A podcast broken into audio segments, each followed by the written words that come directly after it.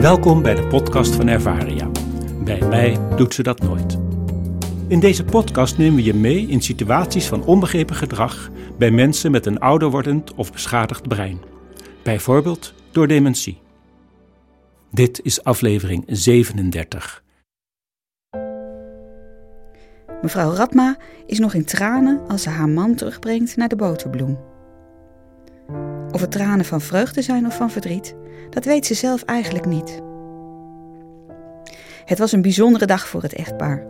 Met hun kinderen en kleinkinderen hebben zij in de oude kerk in het dorp de doop van hun achterkleinkind bijgewoond. Maar, vertelt mevrouw Radma, het was haast onmogelijk om mijn man in de auto te krijgen. Het leverde zoveel strijd op. Toen het onze twee zoons met veel moeite lukte om hem in de auto te krijgen, heeft mijn man zich daarna de hele rit met twee handen vastgehouden aan de autodeur. Ze heeft gemengde gevoelens aan de dag overgehouden. Zo zonde, want vroeger reed hij altijd zo graag. En nu gaat zelfs een klein ritje al niet meer.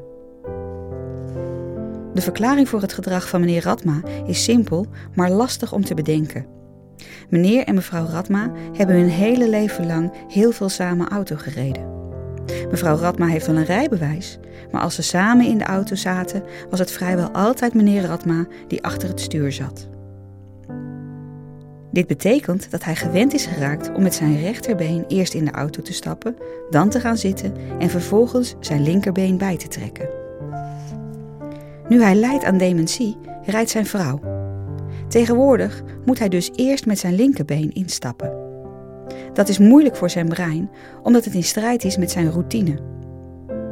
Je zou kunnen stellen dat ook je spieren een geheugen hebben voor de beweging die ze vaak hebben gemaakt. Als wij iets moeten doen dat onze spieren niet of niet goed kennen, dan heeft dat gevolgen.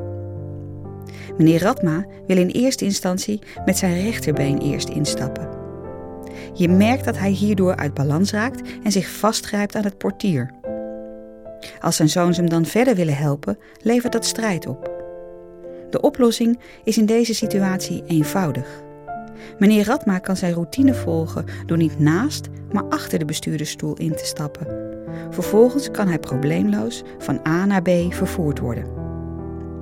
Verdiep je in de routines van de bewoners en wees vervolgens creatief bij het bedenken van oplossingen die bij de routine aansluiten.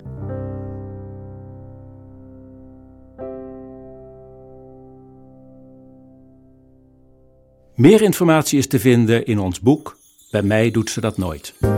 Je kunt ook de website www.ervaria.nl bezoeken of mailen naar info.ervaria.nl.